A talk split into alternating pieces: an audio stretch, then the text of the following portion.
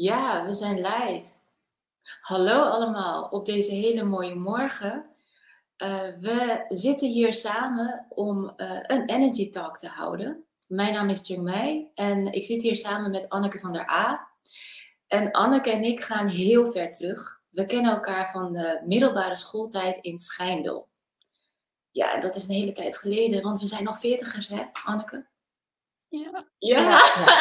Ja, ja. en we zitten hier samen om ehm, een energy talk te houden over hoogsensitiviteit, over de transformaties die zij in haar leven heeft meegemaakt.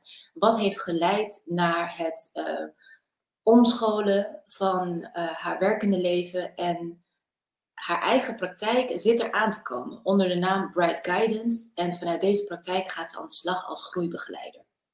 Dus we gaan al deze thema's dekken en we beginnen met uh, hoogsensitiviteit. Anneke, hoe komt jouw hoogsensitiviteit tot uiting?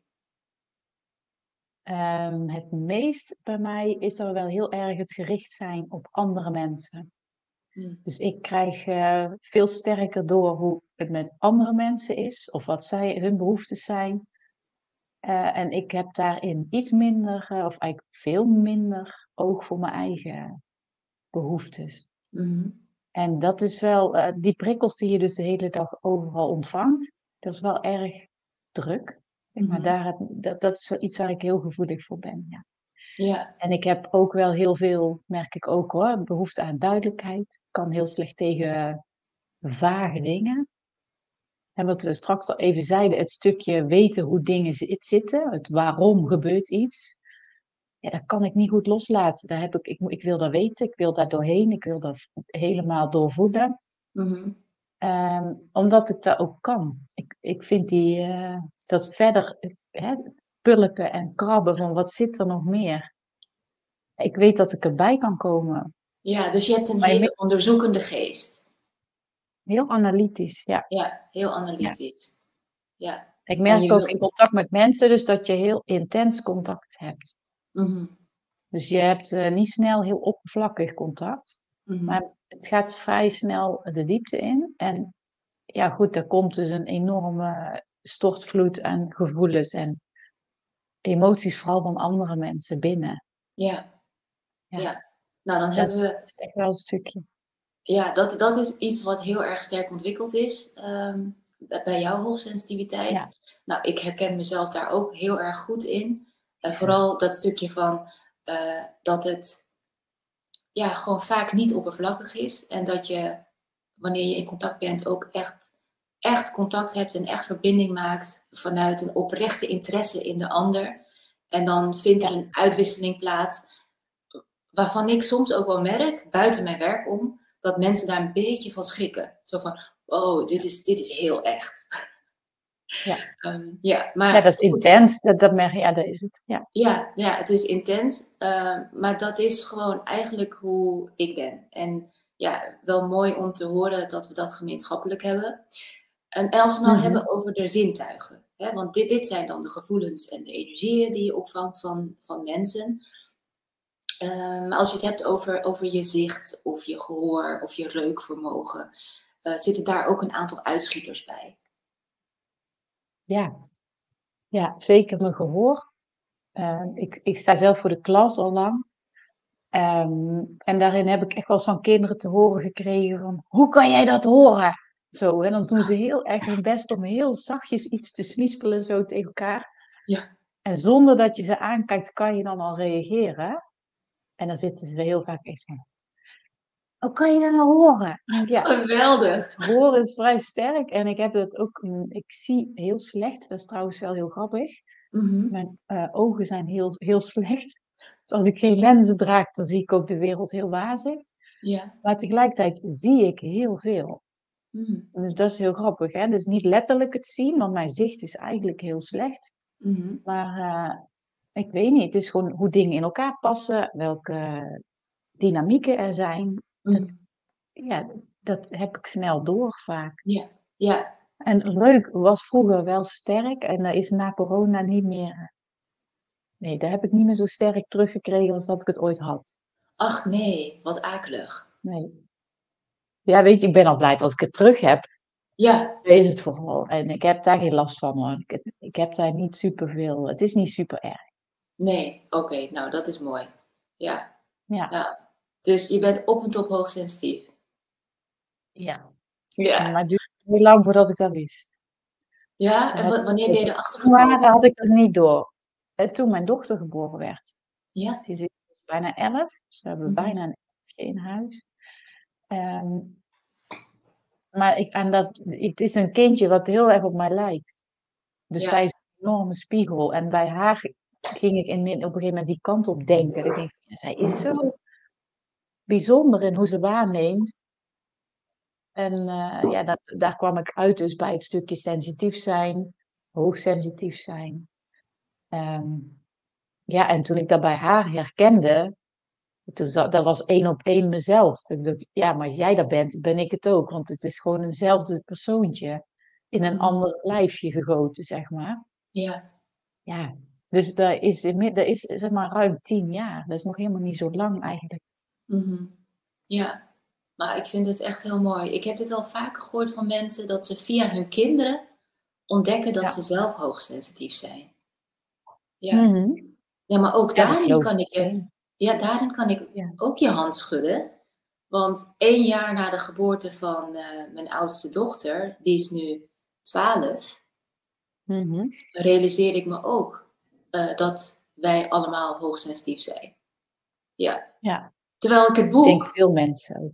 Ja, inderdaad. Maar terwijl ik het boek al in 2002 had gelezen, eh, een van de eerste boeken die ik over hoogsensitiviteit heb gelezen, is het boek eh, Het Hoogsensitieve Kind van Elaine Aron. Ja, ja, Ja. die heb ik ook. Ja, Ja, dat ben en ik die- dus met Isa gaan lezen. Ja, dat Ja? ik daar, eh, en toen ik dat las, dacht ik wel, ja. Ja, Ja. Ja, en ik las dat- dat boek op mijn 22ste, maar dat is natuurlijk in een hele andere leeftijdsfase. En eh, ik deed heel veel aan bewustwording en zingeving. En met het lezen van het boek viel er echt heel veel op zijn plek. Ik las het echt met een potloodje. Maar daarna deed ik hem gewoon dicht.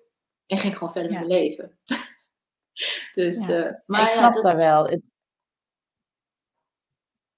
ja, nou, het is wat ik, wil- wat ik dacht toen jij dat zo zei. Dat ik, weet je, wij zijn natuurlijk opgegroeid in een tijd waarin de kinderen over het algemeen gewoon allemaal werden gezien als gemiddeld. Iedereen moest maar gewoon ge- een gelijke lijn. En een aantal waren misschien dan nog wel eh, makkelijker in leren, daar werd nog wel naar gekeken. Of eh, de Ja. had moeite met iets, maar veel Mhm. verder kwam je niet echt. eh, mhm. in die, in mijn basisschooltijd was daar weinig aandacht voor. ja, Als ik nu kijk naar de kinderen bij ons op school en hoe daar aandacht voor is en dat ze allemaal wel een bepaald aandachtspunt hebben, maar ook een, een talent, denk ja, daar wordt al zo naar gekeken. Dat is niet iets wat wij kennen. Dus eh, de eerste, zeg maar, 30 jaar van mijn leven, ik had één, het woord hoogsensitief of sensitief zijn, eh, was voor mij helemaal geen bekend begrip. En nee, daarnaast was het ook gewoon zo, hè. Ja. Wij waren gewoon zoals we waren, punt. En dan zegt mijn moeder nog wel eens hoor, zo van ja, daar werd vroeger ook allemaal niet een, een labeltje opgeplakt, hè. Daar, die, daar was de tijd niet naar. mhm. En nu is dat misschien weer doorgeschoten naar de andere kant. We willen allemaal een labeltje, want dan wordt het allemaal zo lekker in hokjes geplaatst. En daar kan je ook iets bij afvragen hè, of dat nodig is. Maar het heeft mij wel heel erg goed gedaan te weten wat, hoe ik in elkaar steek, vooral dat. Mhm. En dat ik dus zo ben, maar dat ik niet de enige ben zo. Ja, klopt. Inderdaad. Ja. Ja, we zijn niet de enige. En dat is ook iets wat, wat eh, mij heel erg opvalt. Is dat als je jezelf als hoogsensitief ziet, ehm, kan het zijn dat je omgeven bent ook door niet hoogsensitieve personen. Hè, dat die kans groter Mhm. is. En op, vanaf het moment dat je ontdekt eh, dat je het bent, dan vindt er ook een transformatie plaats. Want dan merk je ook van, hè, met al deze mensen heb ik heel lang geleefd en had ik een hele sterke link mee. Maar hè, je ontdekt jezelf op een nieuwe manier en dan merk je ook dat je meer neigt naar mensen die ja, op bepaalde vlakken gewoon echt met jou resoneren als hoogsensitief persoon. Ja. Ja. Ja, het kadert, vind Ja. ik. Het, het geeft echt wel een. eh, ja, moet ik dat zeggen? Ik denk niet dat ik per se zoiets heb van, uh, oh ja, weet je, het is alleen maar met dat, die mensen vind ik het prettig, want dat is niet zo. Maar uh, ik, ik zie wel inmiddels, dat is ook al een hele leerschool geweest, hoor, maar ik kan inmiddels wel beter zien van, oh ja, die mensen die begrijpen waar ik zit ja. en hoe het bij mij werkt. En die mensen niet. En daar is niks mis mee, helemaal niet. Mhm. Maar dan moet ik het daar ook niet te veel van verwachten. Nee. Dan heb ik andere verwachtingen bij mensen. Mm Daar ga ik niet mee de diepte in, dat hoeft ook niet. En dan verwacht ik ook niet dat ze mij helemaal uh, kunnen volgen in dingen. Ik denk, nee hoor, mm laat maar, dan ben ik ja. gewoon wazig. Inderdaad, ja, of ik ben een dromer en dat is helemaal ja. prima.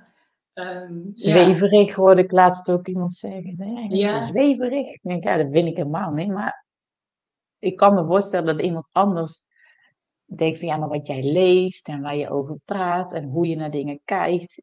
Ja. Ja, oké. ja, ik, ik, weet ook niet zo goed wat zweverig is dan, hè. Maar, nee, nee, snap ik. Maar ik denk dat... er wordt weer een labeltje opgeplakt, hè. Van nee, dat moet dan een naam hebben. Denk, ja, oké. Ja, maar, dan hangt, zo, aan, aan het woord zweverig hangt een negatieve connotatie, vind ik.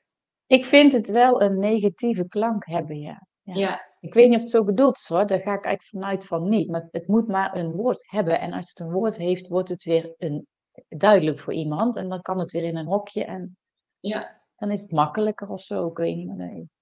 Ja. Ik zelf zo helemaal niet denk. denk ja, ik weet niet, ben ik zweverig? Ik kan niet vliegen, dus ik, het valt mee, denk ik. Ja, ja nou, dat, dat is mooi. Volgens mij zijn we nog, uh, zijn we nog best, best gegrond, hè? best geaard. We staan midden in het leven. En nou ja, dat vind ik dus de grap. Ik denk juist heel erg geaard en heel erg gegrond en heel erg midden in het leven. De, ja. Dat vind ik dus zo grappig, dat anderen daar soms wel eens anders naar kijken. Mhm. Terwijl ik voor mezelf juist denk, van mij volgens mij heb ik het aardig in de smiezen. Ja. Het leven. Ja, ja inderdaad, het leven. Nou, laat, Laten we het daarover hebben. Nou Anneke, je hebt het nu aardig in de smiezen. Uh, dat vind ik een hele mooie uitspraak. Um, en, en dat verwijst direct, hè, in, in mijn beleving, naar een tijd uh, waarin je het minder in de smiezen had. Hè? En dan refereer ik naar de transformaties die jij in je leven hebt meegemaakt. En ik ben heel benieuwd naar um, wat voor jou een hele grote verandering was. Waarin je dus steeds meer uh, in contact kwam met jezelf.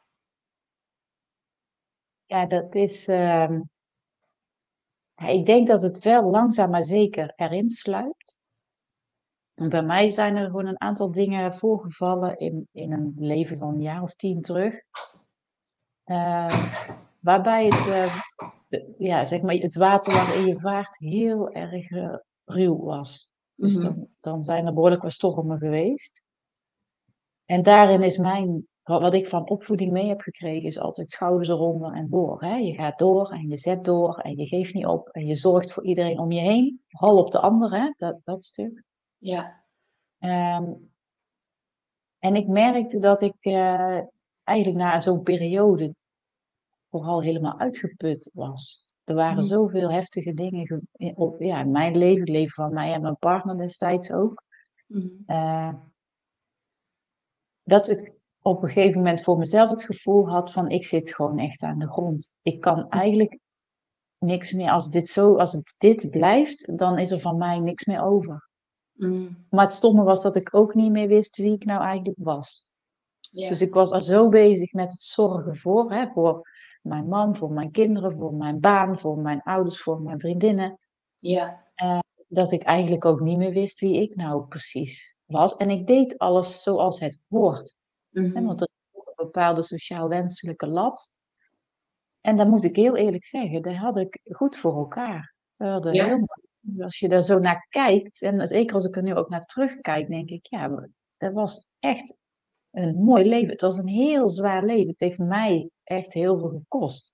Ja. Maar ik had alles. Ja. En toen ik op een gegeven moment dus steun zocht bij mijn partner, daar ging het in eerste instantie uh, ja, dat is wel degene waar ik aanklopte. Mm Van ja, ik trek dit niet meer. Ik, ik weet niet, het gaat gewoon echt niet goed. En op het moment dat je daar de steun mist, en omdat iemand zelf eigenlijk ook helemaal uh, zichzelf kwijt is geraakt. Ja, dat, dat was voor mij waar de oogkleppen zo, oh, dat ging gewoon af. Ik zeg, ja, maar dit kan de bedoeling niet zijn. Dat je een relatie hebt met iemand en een heel mooi leven. En dat je jezelf allebei daarin dus zo aan het een weg aan het zoeken bent om dan maar voor, voor elkaar te houden. Om het zomaar allemaal omhoog te houden. Mhm. Daar heb je geen relatie voor, hè? Om, om, om eigenlijk niks meer bij elkaar te vinden. Mhm. En op dat moment is ook die relatie langzaam maar zeker, uh, ja, die is gewoon op de klippen gelopen. Ja. Gelukkig wel met heel veel bewustzijn. Dat vind ik wel heel prettig. Dus wij hebben nu een heel mooi gezin nog samen, maar geen partnerrelatie meer. Mhm. En daar zat wel het begin van mijn transformatie, ja. Ik dacht van ja, maar zo wil ik kan, één, ik kan zo niet meer. En twee, ik wil zo ook niet meer. Nee. Dat ben ik niet. En dat was dus het moment uh, uh, waarbij de oogkleppen uh, ervan afgingen. En dat je dacht, hé, hey, dit wil ik niet.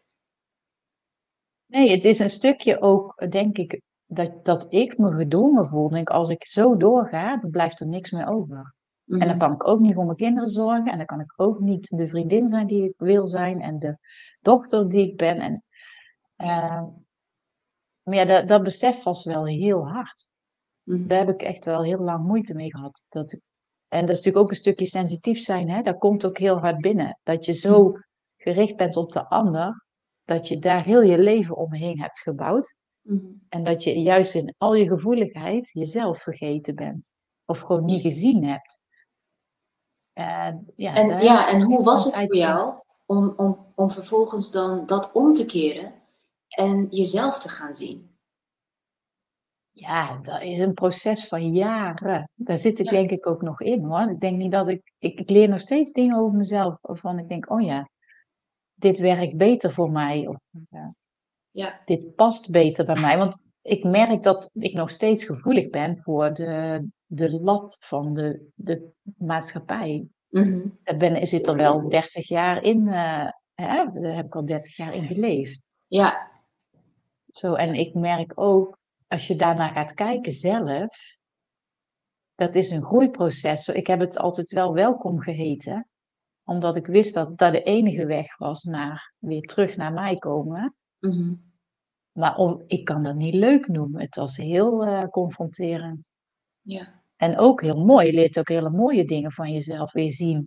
Mhm. Maar je ziet ook wel alle momenten in je leven weer voorbij komen waarvan je denkt: Oh, heb ik dat gedaan? Heb ik toen die keus gemaakt? Heb ik zo in het leven gestaan? Heb ik dat van andere mensen ook verwacht? Hè? Dat ik daar dan, bij wat ik geef zit ook een verwachting. Ja. Ja, dan kom je niet per se uit de bus als, uh, om te zeggen, Olympisch kampioen uh, jezelf zijn. Nee, dat is vooral heel erg confronterend. Ja, het was dus heel confronterend om uh, met terugwerkende kracht eigenlijk in te zien hoe ver je van jezelf afstond. Ja, dat is keihard. Ja. ja. En ook jezelf be beseffen gewoon dat je denkt, ik ken mezelf eigenlijk gewoon Ik doe heel veel, en ik, maar ik weet eigenlijk niet wat ik leuk vind. Ik weet eigenlijk niet precies waarom ik hier ben, hè, wat mijn doel hier is, wat ik, ja. uh, wil, wat ik te brengen heb, hoe ik in het leven wil staan, wat mijn toekomstvisie is. Ja. denk, nee, dat, dat is heel sociaal wenselijk altijd geweest. En Mhm. daar ben ik dus niet slechter van geworden. Dat is dan ook weer zoiets, hè. Dat maakt het moeilijk, denk ik. In alles wat slecht was voor mij, heb ik een heel goed leven opgebouwd. En dat is heel dubbel. Dan denk je, hoe kan dat? Ja. Maar het was een heel mooi leven, maar ik had daar helemaal geen plek en daar ging het mis. Ik heb Mhm. mijn eigen grenzen Mhm. helemaal niet aangegeven. Die heb ik helemaal niet bewaakt. Er waren geen grenzen. Ah. Ieder, alles kon binnen, alles kon gewoon. op- En dat deed ik. Deed- ik ging overal op in. Ik hielp iedereen. Nee kende ik niet. Ja. Ja, dan hou je geen eigen ruimte over. Hè? Nee, snap ik. En daar wil ik wel even op inzoomen. eh, op die eigen ruimte die je begon te ontdekken. Uh, Ja. Waaraan merkte je dat die ruimte steeds groter werd? Hoe kwam dat tot uiting? Eh, bij mij vooral een stukje. Ik merkte het aan andere mensen, dat is ook grappig, dat sommigen dan eens zeggen: hey, Je bent zo veranderd. Terwijl ik dacht: Nee, ik ben veel meer mij. Maar zij zien mij anders, dus ik snap dat voor hun gevoel deed ik ineens andere dingen. En ik ging andere dingen doen en ik bleek ook andere dingen leuk te vinden. En uh, goed, dat is voor mezelf ook wel wennen geweest hoor. Dat ik ineens dacht, oh, er is een wereld die ik ook echt leuk kan vinden. Hè? Waar ik echt mijn eigen plezier vind. Ja. En het andere uiterste was er ook. Dat ik ook heel erg merkte. Hè, als je met coaches en therapeuten praat op een gegeven moment. Die, die hameren allemaal op, neem je rust. Ja. En dat in het begin doe je dan, wat zij daar zeggen. Dan ga je na je sessie ga je dan toch maar even op een terras zitten met een schrijfblokje, want ze hebben gezegd dat je dan moet gaan schrijven. Dus dan begin je. Maar dat, als je dat twee of drie keer doet, in mijn geval is schrijven dus heel helpend. Ik werd daar zo rustig van en ik kreeg heel veel inzichten. Mhm. En dan ga je daar ook naar de hand opzoeken. Dus Mhm. ik heb aan de ene kant heel erg gevoeld dat ik een vrijheid kreeg in me bewegen. Ik denk, oh, ik kan naar leuke dingen. Ik kan genieten van een feestje. Ik kan genieten van mensen, van drukte. Maar Ja. ik kan dus ook echt helemaal opgaan in rust. In de natuur, in een wandeling, in inderdaad ergens zitten met een schrijfboekje en dan laat me daar maar zitten. Dat kan ik uren volhouden hoor. Dat is geen, dat is Mhm. geen straf. Nee, En daar, nee, dat is daar juist zat eh, mijn ruimte. genot. Hè? Om gewoon even met Ja. jezelf te zitten en met je eigen gedachten. Ja, Maar daar wordt dus wel door, daar werd door een aantal mensen wel naar gekeken van ja, hoezo ga jij daar dan zitten? Moet je niet nog de was, dit, zus, werken? De, ja, dan kan je een hele waslijst loslaten. En natuurlijk, ja, dat moet ook, ja. ja, inderdaad. Maar dat deed ik dan dus niet. Ja. Nee, nee, snap ik. Dus En op die manieren pakte jij je ruimte en daarin merkte Ja. je ook dat, eh, dat je daar reacties op kreeg vanuit je omgeving. We hebben een interessante dat vraag binnengekregen van eh Lies Oh, Smits. Ja, ehm, aanhakend op wat je net allemaal hebt verteld. En haar vraag is, eh, maar ben je mensen ook kwijtgeraakt? Eh, ja, op verschillende manieren. Er zijn mensen, maar er zijn er echt maar heel weinig, die Hm. bewust zijn afgehaakt. Eh, en daarvan zijn er ook een paar waarvan ik denk dat dat ehm, niet nodig was geweest. Mm, Daar zat wat angst ook, denk ik, bij, bij hem, hè, zo, om, om erin mee te gaan. ja, Ehm, en ik denk ook dat ik die angst best weg had kunnen nemen. Maar die zagen gewoon een bepaalde verandering. Die, ja, dat paste niet in hun leven. En dan, dan mag je daarvan weglopen. Dus, maar er zijn er echt maar een paar hoor. Dat kan ik niet, dat kan ik niet eens op één hand. Er zijn, dat is geen handjevol. nee, Er zijn ook mensen die ik, waarvan ik heb gedacht, ik heb je gewoon los, eh, maar vrijgelaten eigenlijk. Van doe maar even je eigen ding, want het is beter nu. En dan zien we wel of we elkaar weer tegenkomen of niet. Ehm, dus dan lijkt het zeker in het begin of je die mensen kwijtraakt, maar aan de andere kant, daar zitten dus weer, da- dan ontstaat er ruimte voor groei. Mhm. Ja, ik merk eigenlijk dat ik bij bijna al die mensen, die zijn ook weer terug. Mm, Niet allemaal, een aantal zie ik ook niet meer. Ja. Eh, maar de meeste eigenlijk wel. Ja. Die hebben ook hun eigen tijd nodig gehad om te wennen aan dingen of om bij zichzelf te raden te gaan. Want dat is natuurlijk wel, hè, als er in jouw omgeving iemand is die op een bepaalde manier beweegt en jij verwacht dat helemaal niet, dan moet je zelf ook schakelen. Hè, van, oh, wat gebeurt daar dan? En wat zegt dat over mij? En mhm. kennen dingen in zichzelf. En dat kan heel eng zijn. Maar moet jij dat ook? Ja, als ik er iets mee moet jij dan ook? Nee, dat moet helemaal niet. Nee, nee, daar kan ik me zeker bij aansluiten. Want eh, op het moment dat je in die fase terechtkomt van persoonlijke groei, dan ehm, ga je daarin gewoon steeds een stukje verder. Hè? Omdat het ook Ja. wel plezierig is. Het is spannend, maar het is ook plezierig. Ja. Dus dan eh, sta ik eventjes in jouw schoenen. Hè, van, ik ontdek steeds meer over mezelf en dit vind ik leuk om te doen. En hiermee pak ik mijn ruimte. Maar hoe meer jij je ruimte pakt, ehm, hoe meer anderen daar ook hè, iets van kunnen vinden. En zoals je net aangaf, het kan absoluut iets in henzelf raken. En wa- wat ze misschien eng vinden om aan te kijken. En dan ontstaat er vaak op een natuurlijke wijze eigenlijk die afstand. Dus uh, daar herkende ik uh, jou, mezelf ook in jouw verhaal. Dat het eigenlijk gewoon logisch is dat die natuurlijke afstand ontstaat. En dat je in het begin denkt dat je iemand kwijt bent. Maar dat hoeft helemaal niet zo te zijn. Want uh, juist in die ruimte, in die fysieke afstand die is ontstaan en emotionele afstand, is er ruimte voor groei. En het kan best zijn dat de paden elkaar weer gaan kruisen op een bepaald moment. Ja. wanneer diep van binnen die behoefte er wel is om gewoon contact te hebben. Ja, en daar zit ook eigenlijk geen wrok. Dat vind ik wel heel prettig. Ook al zijn er een aantal mensen van, ik weet wel, nee, die zie ik nu veel minder of niet. Mhm. Eh, ik weet wel dat daar altijd open deuren zijn. En die zullen dat hier ook vinden. Dat is niet vervelend of zo. Ja. Aan de andere kant, en dat is ook wel wat uh, Lies heette ze, uh, mee wilde geven. Ik heb ook mensen erbij gekregen. Hè? In die zin is de kring alleen maar groter geworden. Ja. En dat ik, hoe ik ben, dat resoneert. En daar komen mensen bij die daar heel erg bij passen. Mm En daar zitten zo'n mooie, waardevolle verbindingen tussen. Dat zijn niet de oppervlakkige vriendschappen van zoals ik ze kende, zeg maar. Mm Daar heb ik veel meer diepgang. En uh, ja, ook mensen voor het leven. En ook mhm. daarvan, hè, dat zijn er geen twintig. Maar als je al een handvol mensen hebt waar je zo close mee kan zijn en zo eigen, ja, dat is hartstikke rijkdom hoor. Ja, absoluut. En wat ik ook wel heel mooi vind, want dat is in mijn geval dan uiteindelijk ook gebeurd, hè, want ik vertelde net over mijn relatie met het vader van mijn kinderen, dat dat, daar is dus eigenlijk alles begonnen, hè, dat dat misliep. Uh, en hem heb ik dus ook vrijgelaten. Hè, van, mhm ja goed, doe je ding, ik doe mijn ding. We kijken wel hoe we daarin uitkomen samen. En dan, daar ben ik nu vijf jaar verder mee. Zes alweer bijna. Maar als ik zie wat een band ik nu weer met hem heb. Gewoon in vriendschap en in het ouderschap. Dat hadden wij nooit voor elkaar gekregen als wij elkaar in die relatie hadden vastgehouden. Ja. Uh, en dat is super eng, hè, want daar heb ik heel veel verdriet van gehad.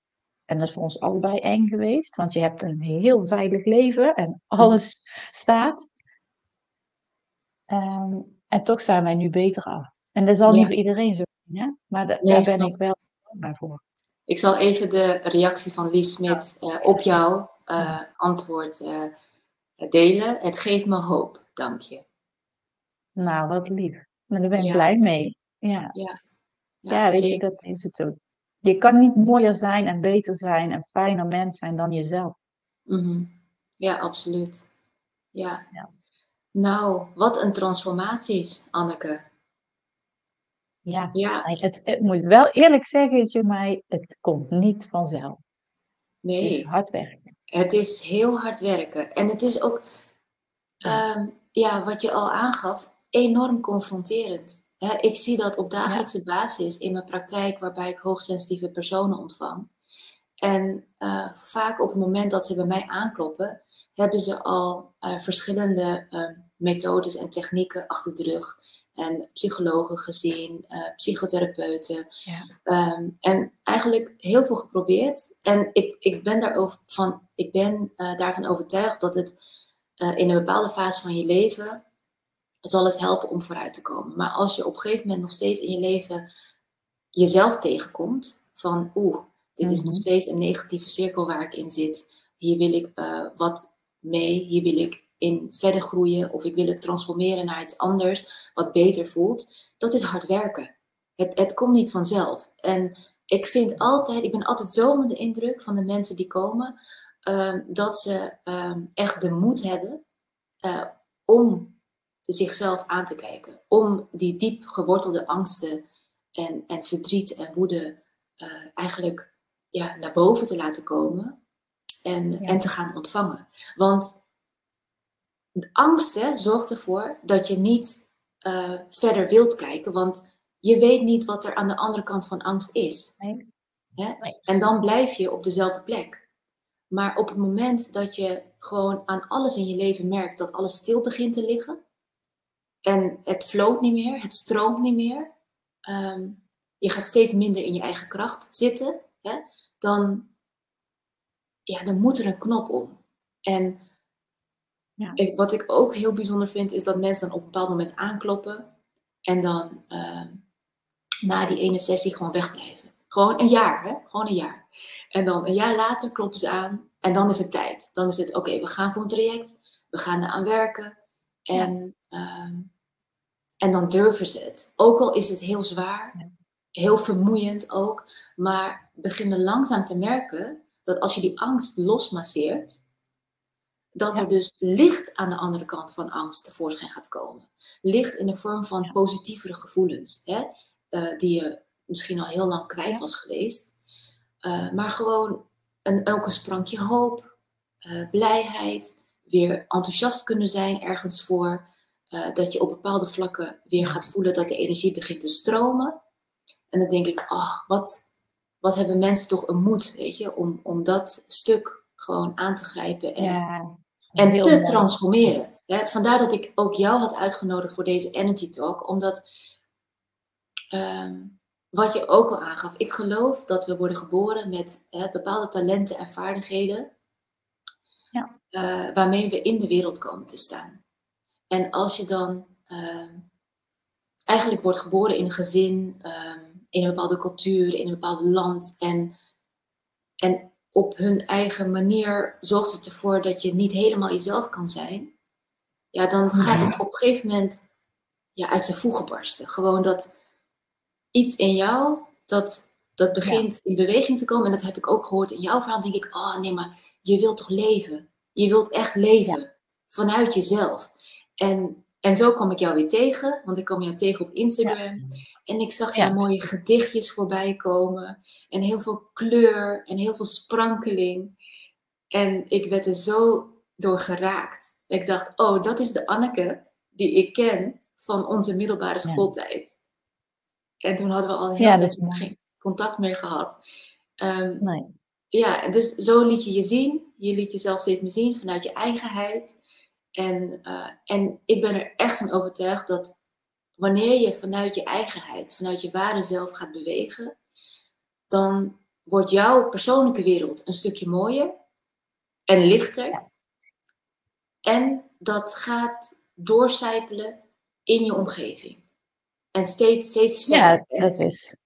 Ja, ja, en, ja, dat is wat je afwrijft op anderen. Hè? Ja, absoluut. En ik weet zeker dat jij dat nog meer gaat doen, want uh, je hebt dus een, eh, een opleiding afgerond hè, tot uh, groeibegeleider. En uh, jouw praktijk heet Bright Guidance. En ja, ik ben heel benieuwd wat jij verstaat onder groeibegeleiding. Want ik hou me bezig met coaching en rebirthing en lichaamswerk en al deze mhm. transformaties. Maar wat doe jij als groeibegeleider? Ja, dat is een leuke vraag, want dat is voor mezelf ook heel lang uh, een vraag geweest. Dat ik heel sterk wel het idee had. Uh, ik ben natuurlijk van, van uh, beroep leerkracht basisonderwijs. Doe ik er ook nu nog bij hoor. Ehm, maar ik heb altijd dus wel in een bepaalde lesgevende, lerende rol gezeten. Hè? Iets meegeven aan, aan kinderen. En die rol ligt me wel. Het schoolsysteem niet. Daar heb ik heel erg, daar worstel ik nog wel mee hoor. Mhm. Eh, maar dat stukje van iets overbrengen, begeleiding geven, nou ja, dat vind ik dus heel interessant.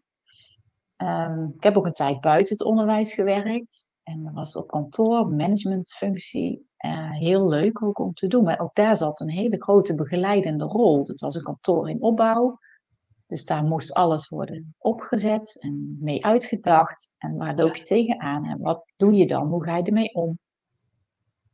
En ook daar zat een aantal, uh, had ik begeleiding voor, van onze uh, medewerkers, dus uh, jongens van HBO en, en, universiteit. En die, die mocht ik dan mee begeleiden in hoe, hoe, zij in het werk stonden. En ook daar merkte ik heel sterk van ja, dat begeleidende stuk vind ik zo leuk. Dat is iets wat ik heel makkelijk, blijkbaar, doe. Wist ik ook niet hoor, maar daar, kwam ik, daar kom je dan aldoende achter. Mm -hmm. um, en inmiddels ben ik dan weer terug het onderwijs in. Ja, het trekt ook wel weer. Het is ook een heel mooi plekje. Maar wel heel sterk gericht op de begeleidende rol van de leerkracht. Niet om het lerende vingertje te zijn, maar een groei van een kind begeleiden. Van waar zitten dan de, de, talenten, maar waar zitten ja, de moeilijke dingen nog? En dat kunnen zien, daar begint het bij. Ja, dat vind ik dus heel interessant. Hè? Want wat zit hier? Welke begeleiding heeft een kind dan nodig? Waar is het bij gebaat? En vorig jaar kwam er bij mij, of nee, dat is eigenlijk dit jaar nog geweest zelfs, heb ik die opleiding gedaan. Nu heb ik vorig jaar voor opgegeven. Uh, er was een mentoropleiding, werd er genoemd, bij een ontwikkelingspsychologe, namens Jantien Keizer. Uh, en zij benadert ontwikkelingspsychologie vanuit een heel mooi uh, oogpunt. En zoals ik ontwikkelingspsychologie altijd heb meegekregen in mijn uh, didactiek, werd het altijd, hè, dan kijk je van een kind moet eh, goed in het lijf zitten, in zijn hoofd en in zijn hart. Dus als het kind zich goed voelt en het, het functioneert hierboven allemaal cognitief goed en het is fysiek fit, dan heeft het kind optimale groeikansen en, en leerkansen. Dus dan leert het het best en het meest. Ja, goed, zo ben ik uh, het onderwijs ingerold met die drie poten eigenlijk.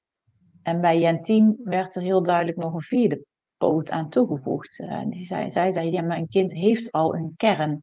Ieder mens heeft een kern, dat hoorde ik jou net ook zeggen. Hè? Je eigen mhm. talenten, het eigen stuk van jou, want dat heb je van nature, draag je er al bij je. En daar vergeten wij gewoon naar te kijken. Als je dat contact kwijtraakt met je echte kern, met wie jij bent en met wat jij hier te brengen hebt. En dan kan je kern noemen en een ander noemt het ziel. Dus maar net wat je ervoor wordt, vind ik ook Oh, maar dan ben je te zweverig, Anneke. Ja, nou, ja, ja dan ga ik dus vliegen, zie je? Ik zweef bijna weg. Maar dat is dus een stukje, vind ik maar net een woord, hè, dat is benaming. Maar het is wel een kern in je, dat heeft iedereen. Daar ben ik Vind ik overtuigd. ook. Ja, ja, vind ik ook. En daarin, die opleiding vond ik echt, dan dacht ik, ja, maar dit, zoals zij het vertelt, dat is precies zoals ik er altijd al naar keek. Maar het was nooit iets. Er werd nooit over een kern of zo gesproken. Of, of je diepste stukje van binnen. Mhm. En die mentoropleiding heeft mij wel heel veel uh, ook vertrouwen vooral gegeven. Dat als ik, eh, ik, ik wist wel dat ik begeleidende dingen dus heel leuk vind. Maar ik denk, mhm. dat wil ik begeleiden. Dat mensen die kern kunnen, weer kunnen aanraken er weer naar kunnen luisteren. Uh, en dat zij die groei die ervoor nodig is, ook kunnen doormaken en kunnen toepassen weer in het leven wat er al is. Mhm. Dus er hoeft ook niet per se dan drastisch iets helemaal om te gaan. Maar je, ja, dat zal bij de een wel zo zijn, bij de ander niet. Ja.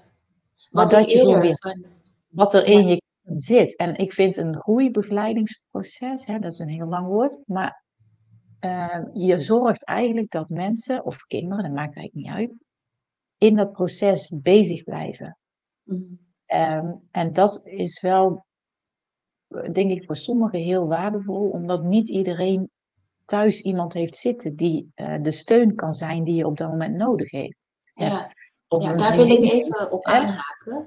Uh, want wat ik eerder van jou had vernomen, was dat uh, eigenlijk onze werkzaamheden zijn eigenlijk heel compatibel hierin. Hè? Want iemand die uh, begeleiding zoekt bij mij voor zijn of haar eigen persoonlijk ontwikkelingsproces, om hè, die diepgaande transformaties uh, te realiseren, die kan dus inderdaad in bepaalde gevallen met al deze transformaties niet bij iemand terecht. Dus niet bij dienstpartner, misschien ook niet bij dienstfamilie. Dat heb ik overigens heel vaak teruggekregen, hè? want de hoogsensitieve persoon die bij mij aanklopt, dat is vaak de enige hoogsensitieve persoon in het gezin. Oh ja. ja. Eh, en waardoor er altijd nou, wrijving ontstond of uh, oordelen die die persoon heeft moeten ontvangen over dienstgevoeligheid. Nou, dus dat zijn wel de meest voorkomende situaties. En die compatibiliteit met jouw werk is dus dat zo'n persoon, uh, terwijl die nog in het proces zit bij mij bijvoorbeeld, ook bij jou kan aankloppen om gewoon even te kanaliseren wat hij allemaal heeft meegemaakt in de sessie en hoe, hoe het zeg maar uh, uh, in het leven heeft doorgewerkt.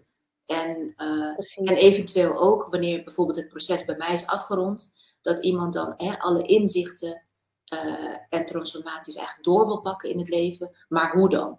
Hè? Want met, met wie kan ik sparren?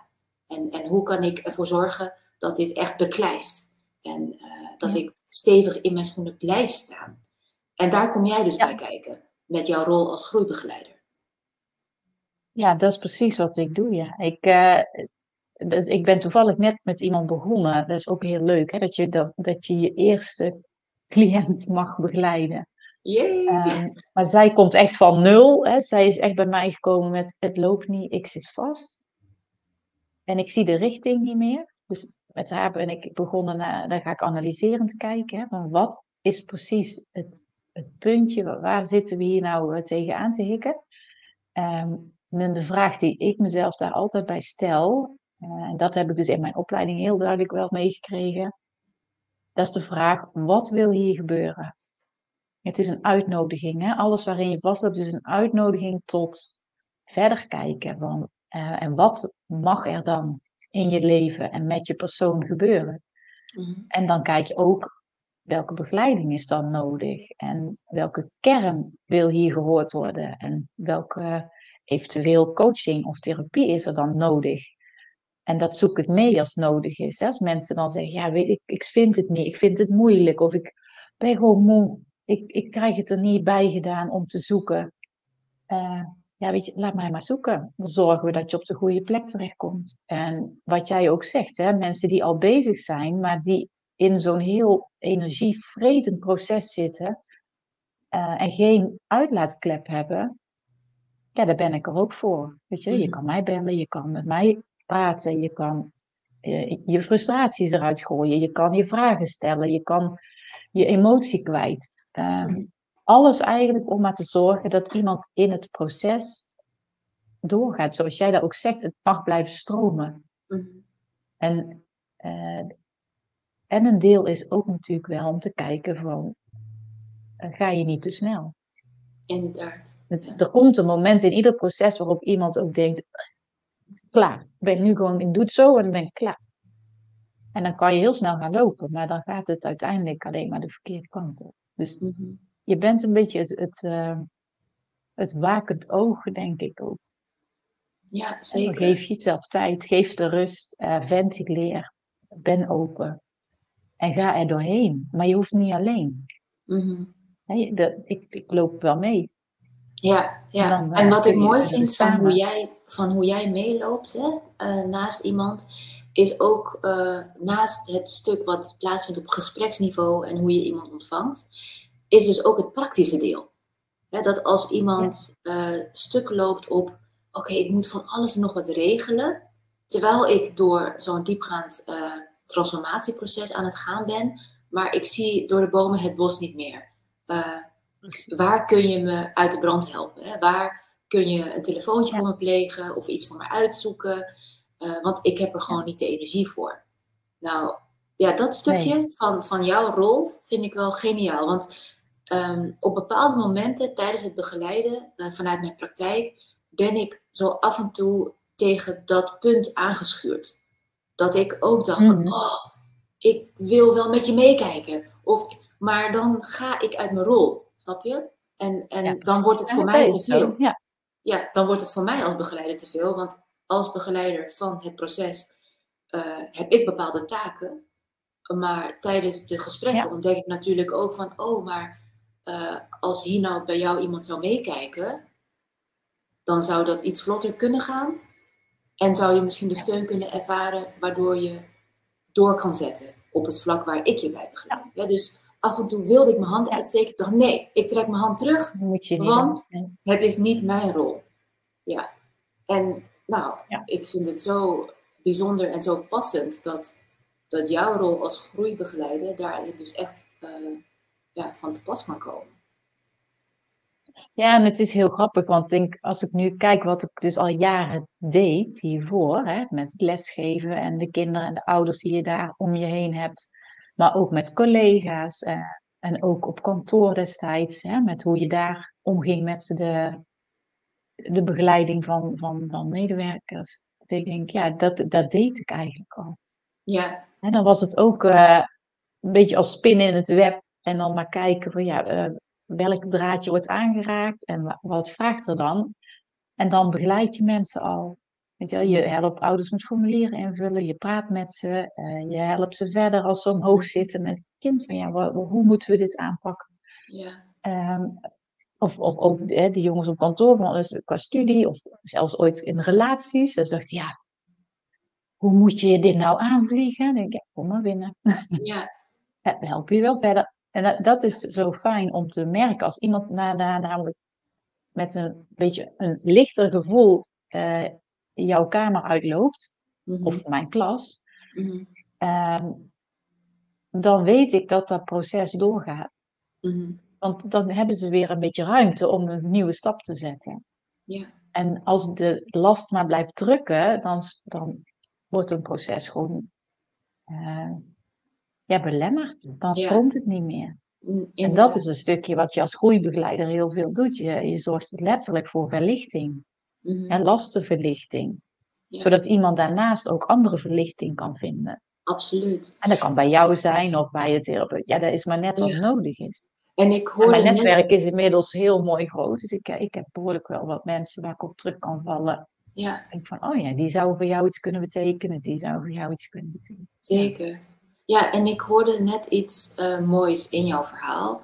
Want uh, wat ik dus echt schitterend vind, is dat je benoemde dat je deed het al. Ja, en nu wordt het eigenlijk gegoten in een nieuw jasje onder de naam Bright Guidance. Ja. Maar je deed het al. En dat is dus ook uh, de intentie achter mijn werk. Is om mensen weer te laten verbinden met hun ware zelf. En vaak denk je dat je het volledig kwijt bent geraakt. Maar het is er wel. Het is er al. Het Alleen er al. het gaat erom dat je het weer gaat zien en weer gaat beleven. Dus er moeten gewoon wat laagjes vanaf qua overtuigingen en emoties, waardoor je ermee in verbinding kan komen. Maar het is niet ja. kwijt. Ja, je bent het niet volledig kwijtgeraakt. Het is nooit kwijt. Het, het, het, is er altijd al, maar ehm, op een andere manier is het tot uiting gekomen. Hè? Zoals uh, in jouw werkende leven in verschillende rollen op de werkvloer. En het is zo geweldig dat je dan via jouw ontwikkelingsproces en dan via het doen van een opleiding het bent gaan zien. Waardoor je het dus in een nieuw jasje kan gieten en mensen hiervoor bij jou aan kan kloppen. Voor iets wat je al ja. 30 jaar doet. ja, alleen in een andere rol, dat zeg je wel goed. En dat is ook natuurlijk wat bij mij heel erg geschuurd heeft. Hè? Ik moest die rol uitvoeren in een systeem waar ik niet in pas. Ja. En dat is nog hoor. Ik vind het onderwijssysteem. Dus niet dat wij een slecht onderwijssysteem hebben, maar ik vind het een. Uh, er zit ontzettend veel druk op het systeem. Op de kinderen, op de leerkrachten. Maar dat systeem aan zich heb ik heel veel moeite mee. Ook als sensitief persoon. Hè? Voor mij is het een enorme belasting wat, daarvan, wat dan van je wordt verwacht. Terwijl ik van nature wel weet wat ik met een kind kan en wat ik eruit kan halen en hoe ik dat wil doen. Ja. Ehm, maar het systeem zelf maakt mij, uh, zet mij onder druk. Dat is niet goed voor mij. Mm. En ik heb daar mijn weg redelijk in gevonden inmiddels hoor. Dat gaat een stuk beter dan jaren geleden. Maar mijn eigen wens is altijd toch uh, al sinds een paar jaar. Dan denk ik, ja, maar ik wil eigenlijk niet meer in dat systeem. Ik wil gewoon mijn eigen ding kunnen doen. Op mm. mijn manier. En niet omdat het uh, volgens stap A, B, C en D moet. Maar gewoon omdat ik zie dat het nodig is. Mm. En dan pak ik gewoon stap A en D en F en dan ben ik er ook. En dat is een bepaalde vrijheid die ik mezelf heb gegund. Ehm, ja, ik wil het gewoon proberen, jongen. Dat is eigenlijk mijn uh, hele motivatie. Ik denk, ja, ik heb er heel lang mee gewacht, omdat ik dacht van, ja, wie ben ik dan? Hè? Mm Ik ben maar juf. Oh, nee. Terwijl ik in die opleiding juist heel erg sterk naar voren, dat werd ook wel benoemd. Zo van, ja, maar het is je kracht. Doe er iets mee. Ja. En ook hè, wat letterlijk gezegd is, dan zei ik van ja, maar als ik het nou doe en het mislukt, dat vind ik zo erg. En toen zei iemand tegen mij, ja, maar nou doe je niks. Dan is het toch al mislukt? Exact.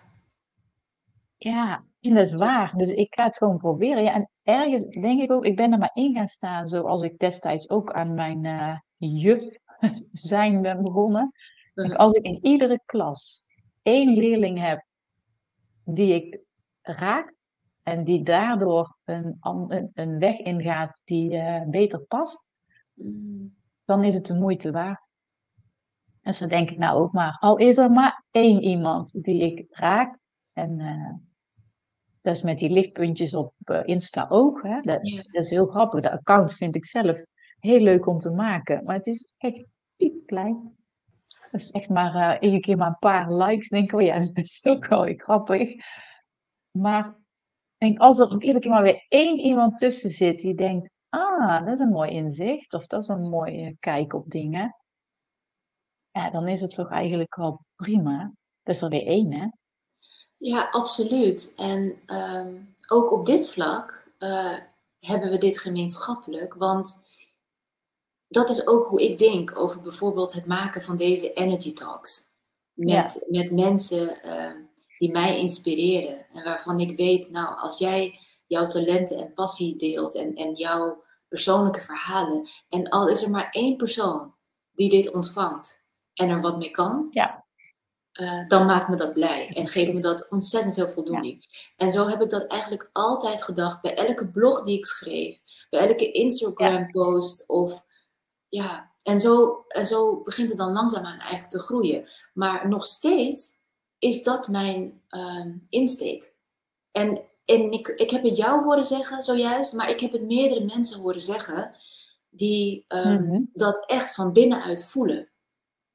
Dat je ja. gewoon de behoefte hebt om volledig jezelf te zijn en met jouw aangeboren talenten, vaardigheden en um, werkervaring die je hebt opgedaan in het leven, om daar iets uh, van mee te geven aan een ander. Zodat je een ander of een omgeving daar een stukje mooier en blijer en lichter mee maakt.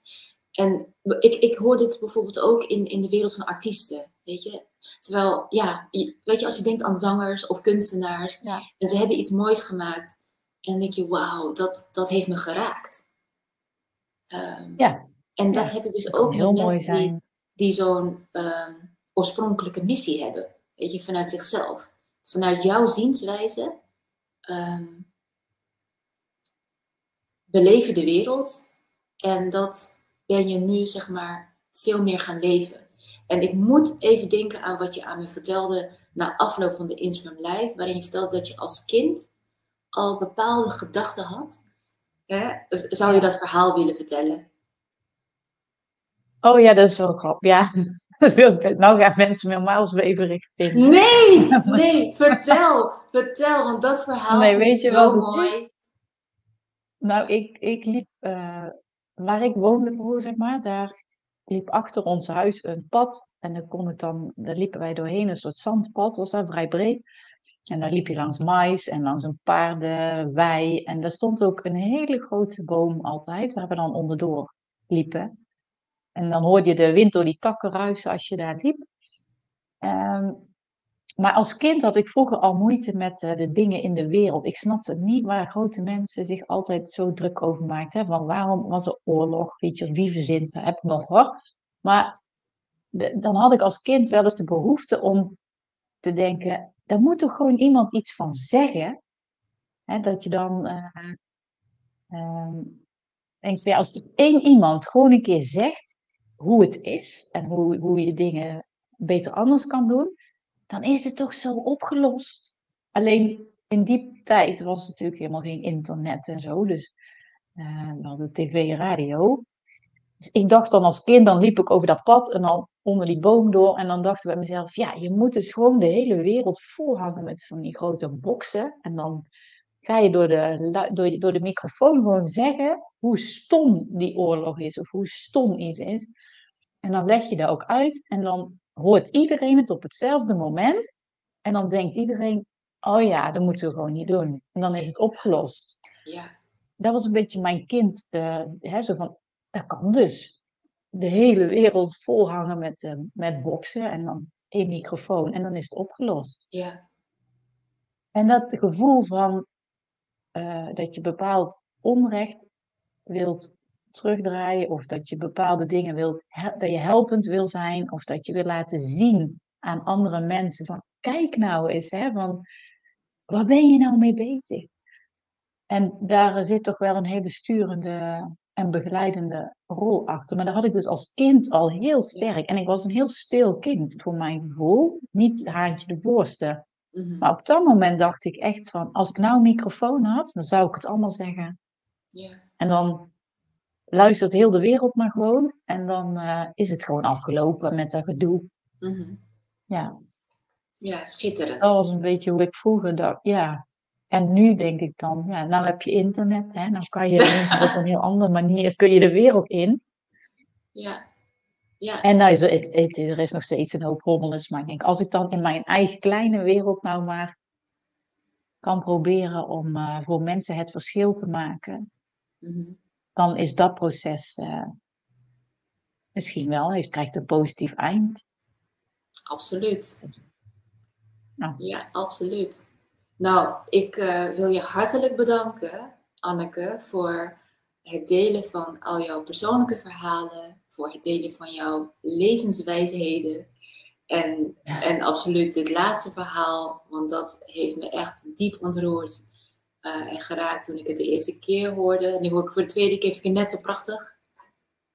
dus uh, dank je wel voor het delen. Ja, het is weer een stukje. Ja, graag gedaan. Ja, en, uh, ja. ja, en mocht je als kijker hè, ons gesprek hebben gevolgd en je hebt nog een vraag aan, aan Anneke of aan mij, voel je vrij om contact te leggen. En nou, je zult zeker meer van ons horen. En ehm, ja, het is echt hartstikke fijn om jou hier te mogen ontvangen. Dus nogmaals, dank je wel. Dank je wel. Nee, ik heb het heel fijn gevonden met jou. Ja, nou, hartstikke leuk. Nou, tot een volgend moment. Tot ziens. Tot ziens.